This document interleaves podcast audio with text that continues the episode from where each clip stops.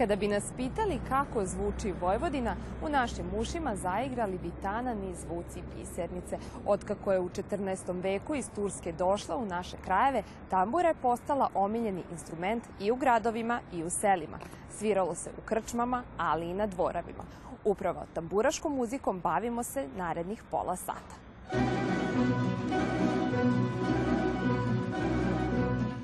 Poslednjih 150 godina tambura se odomaćila i postala prepoznatljiv instrument svih krajeva Vojvodine. Gotovo da nema varoši u kojoj nije postojao amaterski sastav.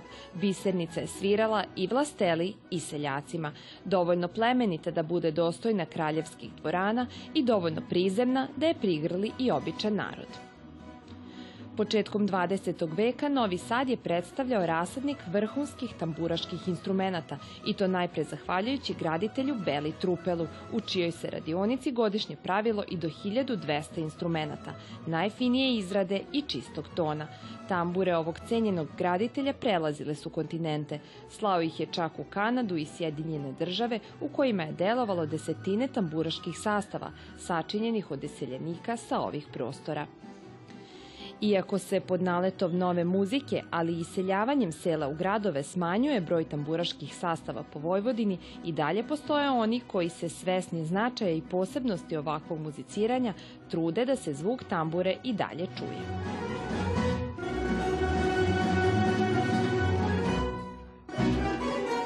Centar tamburaške kulture u Novom Sadu osnovan je prošle godine s ciljem da prepoznatljiv zvuk vojvođanske tambure sačuva budućim pokolenjima. Pod njihovim okriljem u toku je formiranje nototeke, fonoteke, videoteke, biblioteke i muzeja tambure.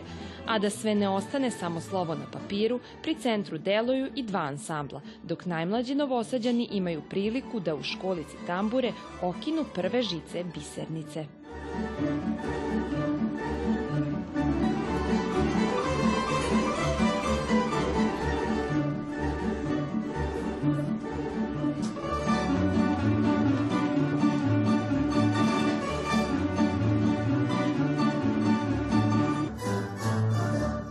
Prošle godine je osnovan Centar tamburaške kulture ovde u Novom Sadu. Šta je vas motivisalo da osnujete jedan ovakav centar i šta su vaši ciljevi?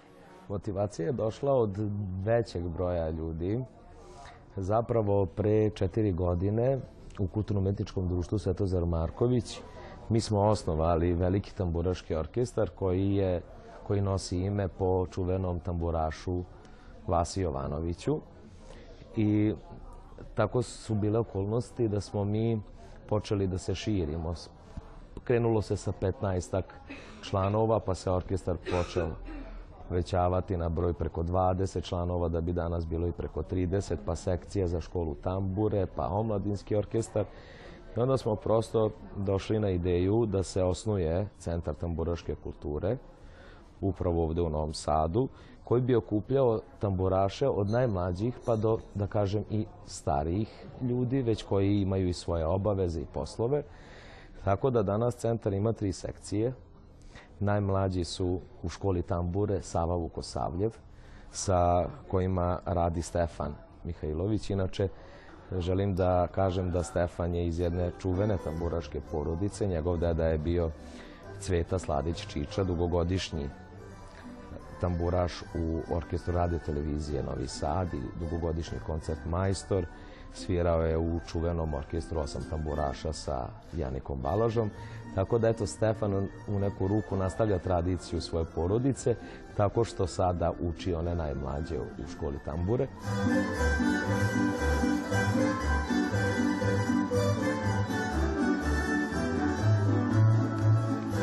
Najslađi zvuci bisernice dopiru sa proba najmlađeg ansambla škole tambure Sava Vukosavljev, koju trenutno pohađa 14 dece.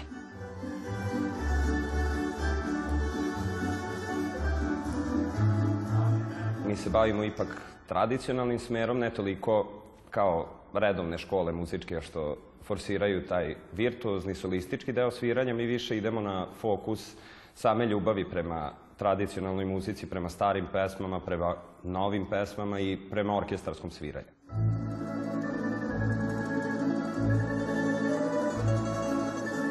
Sa budućim naslednicima velikih majstora radi i Marko Parčetić, zadužen je za omladinski tamburaški orkestar koji nosi ime čuvenog primaša i kompozitora Marka Nešića. U radu sa omladinskim tamburaškim orkestrom ja se trudim da što više e, da bude i zabavno. E, kad kažem da bude zabavno, trudim se da izaberem repertoar koji bi njima eventualno bio zabavan, e, jer je automatski lepše će ga i svirati. A u onom samom delu kad se radi, prosto moramo da, da imamo neki nivo, e, tu onda malo ima manje zabave, više ima rada i u radu moramo biti malo stroži.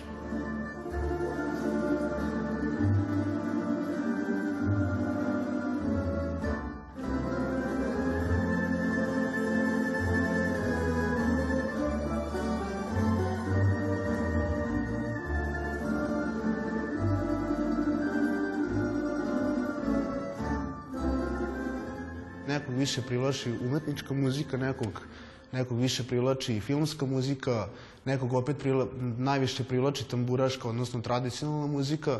Tako da ja gledam onda da napravim uh, od svega pomalo da izaberem, da naš repertoar bude zanimljiv kako, kako meni, tako i njima, a na kraju onda i publici koja će slušati.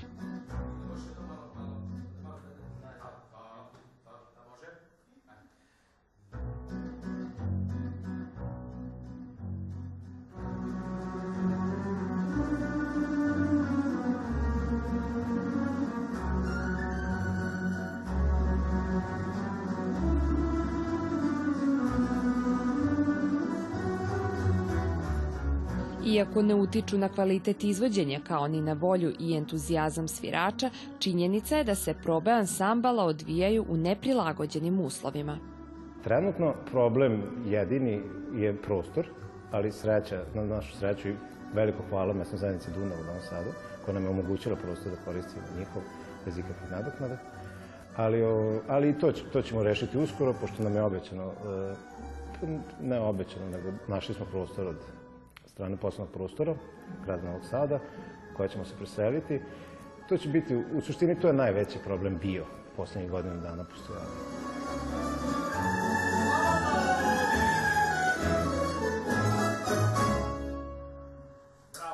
Mi smo dobili status sada da se orkestar zove Gradski tamburaški orkestar Vasa Jovanović, sa kojima radim ja.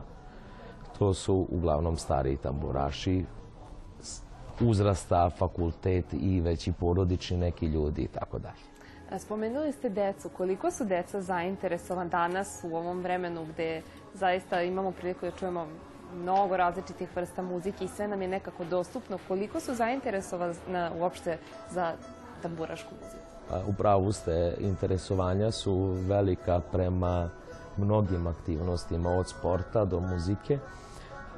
Specifično je ipak sviranje tambure, ali je ona uspovezana i za tradiciju, posebno jer je tambura ovde iz kolevke našeg podneblja ili da kažem panonije, ali ima dece i zadovoljni smo, imaju u našoj školi tambure dece i polaznika i stano nam se javljaju da dođu i novi članovi, ali ima i u, u kulturno-metničkim društvima. Po meni, kad me pitaju, ja bih uvek rekao da treba uvek još više.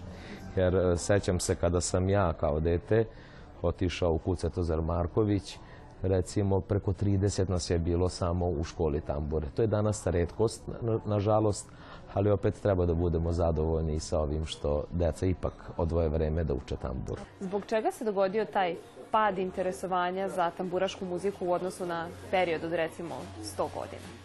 Tambura je u jednom momentu doživela malo i pad ovde kod nas kada se pojavila ta neka novija muzika novog doba, ali opet sad moram reći na sreću svih nas vraća se to ipak oseti se još uvek duh tradicije u ljudima, da hoće to da poštuju i eto, imamo primer da kod nas u školi tambur ima oko 15 15 dece koji sviraju i uče tambur. A kako komentarišete činjenicu da deca, odnosno mladi, nemaju pored škole Josip Slovenski u Novom Sadu, nemaju gde da uče sviranje na tambur. Eto, akademija nema ocek za tamboru, druga muzička škola Isidor Bajić takođe nema ocek za tamburu. Dobro sam upoznat da se još pre nekoliko godina opet jedan određen broj eminentnih ljudi iz sveta tamburaške muzike zauzeli su se da se na našoj Novosadskoj akademiji upravo otvori takav jedan ocek za tamburu.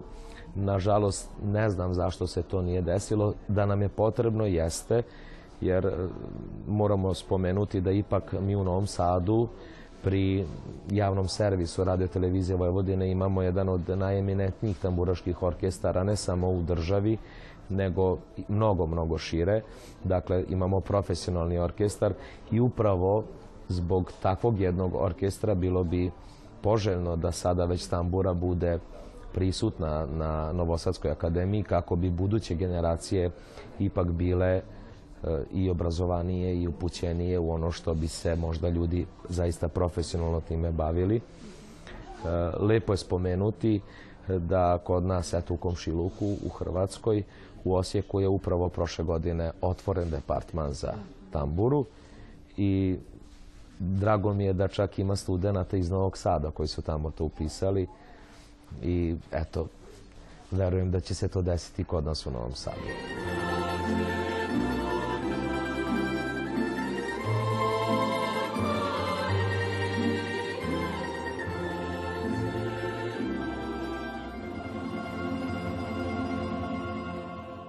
Da li je tambura i u kojoj meri žanrovski ograničena? Žanrovski nije.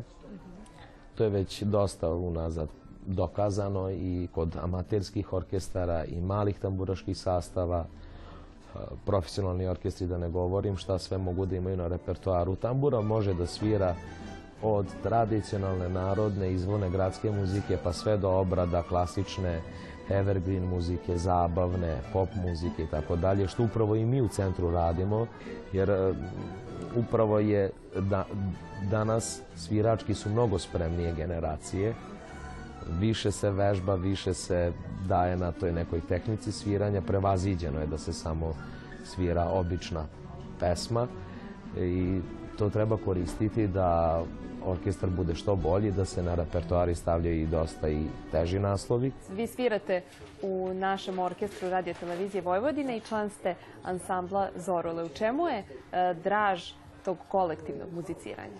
Pre svega, tambura je porodični instrument, ne može da svira sama. Može, mislim, ali to nije u ušima slušaoca navika da čujemo samo da slušamo jedan instrument. Ona ipak zahteva porodicu instrumenta kao što to imaju i gudački kvarteti, gudački ansambli i dokazano je da upravo zvuk velikog tamburaškog orkestra ili malog može danas već da parira zvuku jednog ozbiljnog velikog simfonijskog orkestra.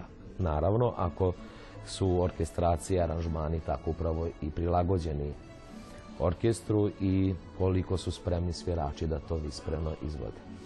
Zato taj kolektiv je dobar jer mi se tu pre svega i upoznajemo, družimo i zajedno doprinosimo. Nema puno isticanja sem soliste, ali i svaki solista, koliko on bio veliki majstor na tamburi, ne vredi bez ostatka orkestra koji ga u tom momentu prati. Koliko mi imamo obrazovanih ljudi, to se nadovezuje na onu temu od malo pre, koji bi mogli neke, recimo, kompozicije iz klasične muzike da aranžiraju za taj orkestar? Ima, ima dosta. I na prvom mestu je to profesor Mulić koji je zaista jako puno uradio za kompletan tamburaški pokret. Pa zatim gospodin Ivan Sabo i evo sad od mlađih generacija i studenti već pišu. Dosta puta je bilo da su sa departmana kompozicije bili upućeni da pišu za tamburaški orkestar, da prerade, da urade obradu, da li klasične ili neke druge vrste muzike. To se radi, tako da toga je uvek potrebno, i, jer u tome je jedna šarolikost ne samo zvuka, nego i umeća, jer i to je ipak jedan zaista velik zanat znati napisati za tamburaški orkestar, tako da se ništa ne izostavi, a da ta, opet taj orkestar jako dobro zvuči. Da li je to mali sastav ili veliki? I kakvi su vam dalji planovi u centru? Centar za ovu godinu planira lepe aktivnosti. Pred nama je odlazak na jednu lepu turneju u Budimpeštu povodom obeležavanja Đurđevdana, gde će se slaviti tamo u zajednici Srba. E, posle toga planira se odlazak u Mohač, u Mađarsku takođe na jedan festival gde će biti nekoliko velikih orkestara iz regiona okoline. U toku leta čekaju nas dva tamburaška kampa. Nadamo se da ćemo ovog leta i mi održati naš prvi festival Novosadske tamburaške svečanosti, gde želimo da uključimo opet od najmlađih do najstarijih, od malih sastava do velikih, tako da aktivnosti se ređaju.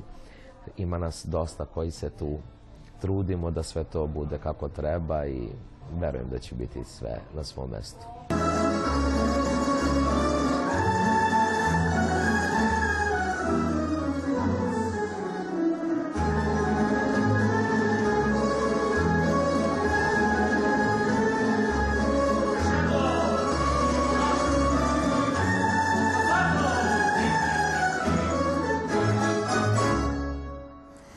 Iako je rođeni novosađanin koji je srpsku muziku zadužio sa mnoštvom kompozicije, a zvuk je sa ovih prostora širio po čitavoj Evropi još u 19. veku, ime Vasa Jovanovića ne može se naći u muzičkim učbenicima.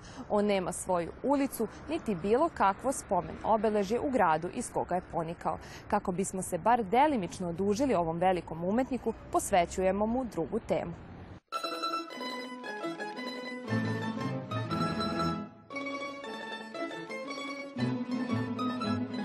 Njegove tambure od Belog Javora bio je nadaleko čuven, a ime mu se izgovaralo sa poštovanjem i uvažavanjem. Vasa Jovanović, muzičar koji je sa jednakim žarom svirao i kraljevima i običnom narodu, danas je gotovo zaboravljen. Srećom, profesor književnosti Boško Brzić iz Budisave život je posvetio izučavanju biografije jednog od pionira tamburaške muzike kod nas, prikupljanju dokumentarne građe, notnih zapisa i fotografija, te je zaostavština ovog velikog vojvođanskog umetnika u potpunosti sačuvana. Vasa Jovanović je rođen u Novom Sadu 1872. godine. Nakon očeve smrti, njegova majka se udaje za gostioničara, u čijem se lokalu Vasa prvi put upoznao sa instrumentom koji će postati njegov životni saputnik. Vasu je privlačila ta muzika i kad tamburaši okače uveče svoje instrumente i odu kući na spavanje, Vasa je u kafani svoga očuha uzimao te tambure i vežbao, svirao. To su njegovi prvi počeci.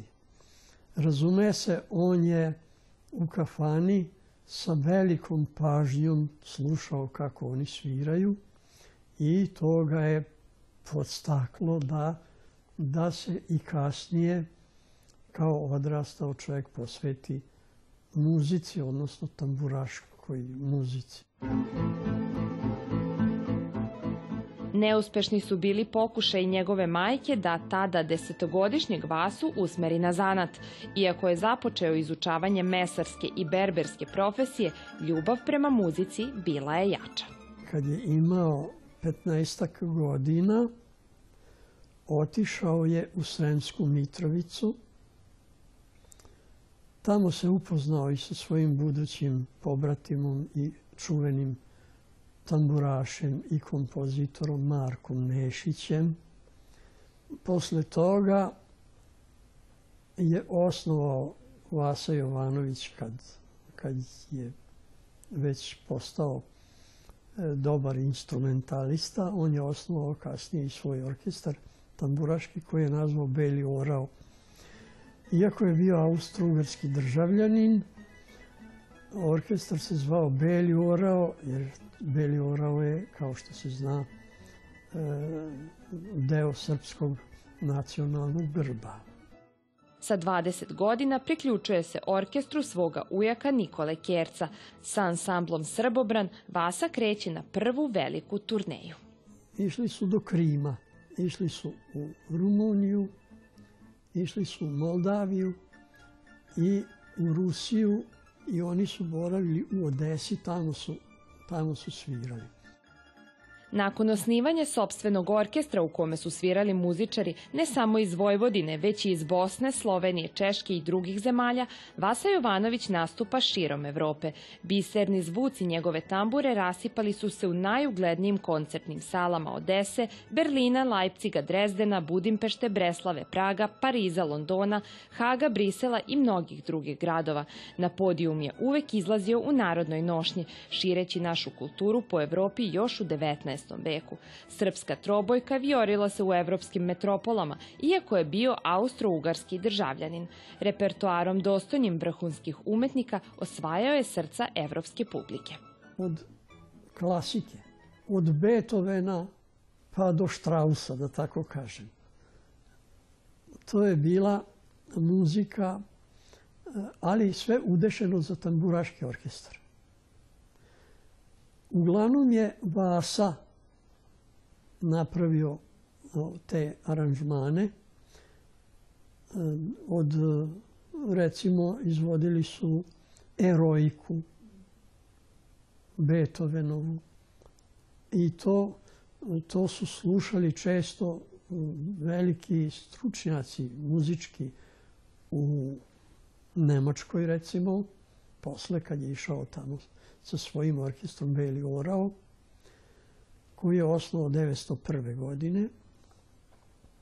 Slušali su, kažem, muzički stručnjaci i veoma su pohvalno pisali u ondašnjim nemačkim novinama koje su se interesovali za takvu muziku, takvu vrstu muzike.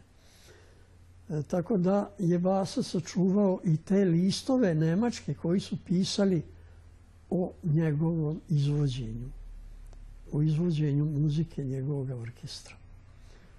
To je veliko bogatstvo.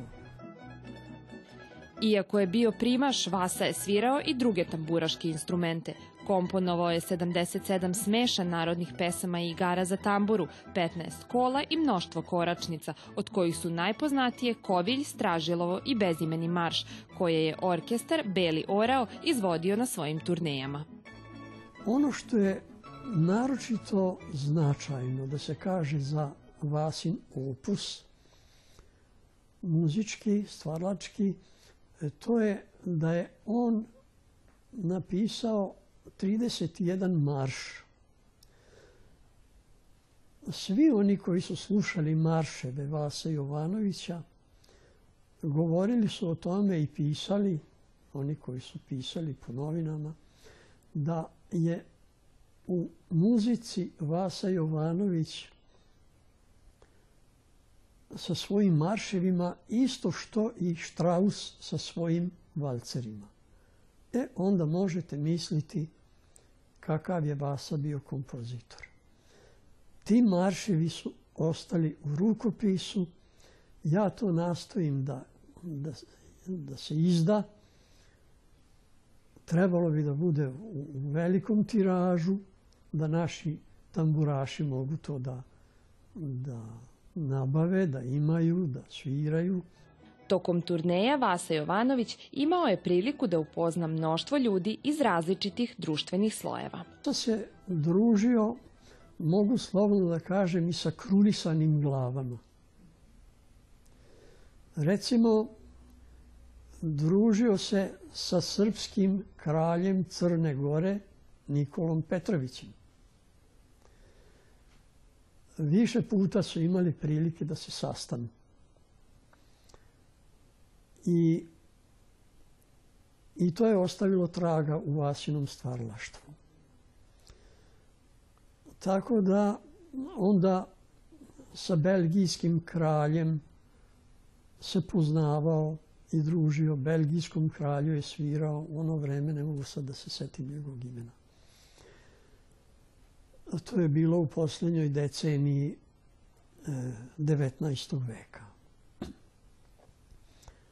Tako da onda recimo u Beogradu naj, najznačajniji njegov prijatelj i s kojim se družio i što je ostalo i u kako da kažem, u pisanoj formi, to je bio srpski istaknuti glumac Dobrica Milutinović. Oni su se upoznali negde u Zagrebu, kad je Dobrica bio tamo na gostovanju, a Vasa opet imao ove, svoje koncerte. Dobrici Milutinoviću posvetio je i poslednje delo, koračnicu koju je prijateljstvu u čast dao ime Dobrica. Kažu da je Vasa Jovanović izuzetno lepo pevao, a njegov bariton osvajao je srca publike gde god da se pojavi. U Nemačkoj, na primer, kad je otišao u Hamburg, u Vasu se zaljubila jedna mlada devojka koja je sa svojom babom došla na Vasin koncert i posle koncerta je htela da čestita Vasi na izvođenju i tako su se oni upoznali i zbližili. Ta devojka, Olga Kvicau iz Hamburga, posle je bila Vasina prijateljica, deset godina su se e, ovaj, sarađivali. Vasa je nju naučio da svira na tamburi i ona se priključila Vasinom orkestru, išla sa njima na turneje i tako dalje, ali se nisu uzeli, kako sam čuo od Vasine kćeri, jer nije htela da ima dece. Nakon povratka sa velike turneje, tada već slavni tamburaš, ženi se koviljčankom Jelisavetom Paunić. Uprkos plodnom kompozitorskom delu, pedagoškom radu i izuzetnom sviračkom i pevačkom umeću, ime Vasa Jovanovića strano je zvaničnoj muzičkoj istoriji, kao i tambura, koja, iako se smatra autentičnim instrumentom ravnice, još uvek ne uživa status koji zaslužuje i nije prisutna u visokom muzičkom obrazovanju kod nas.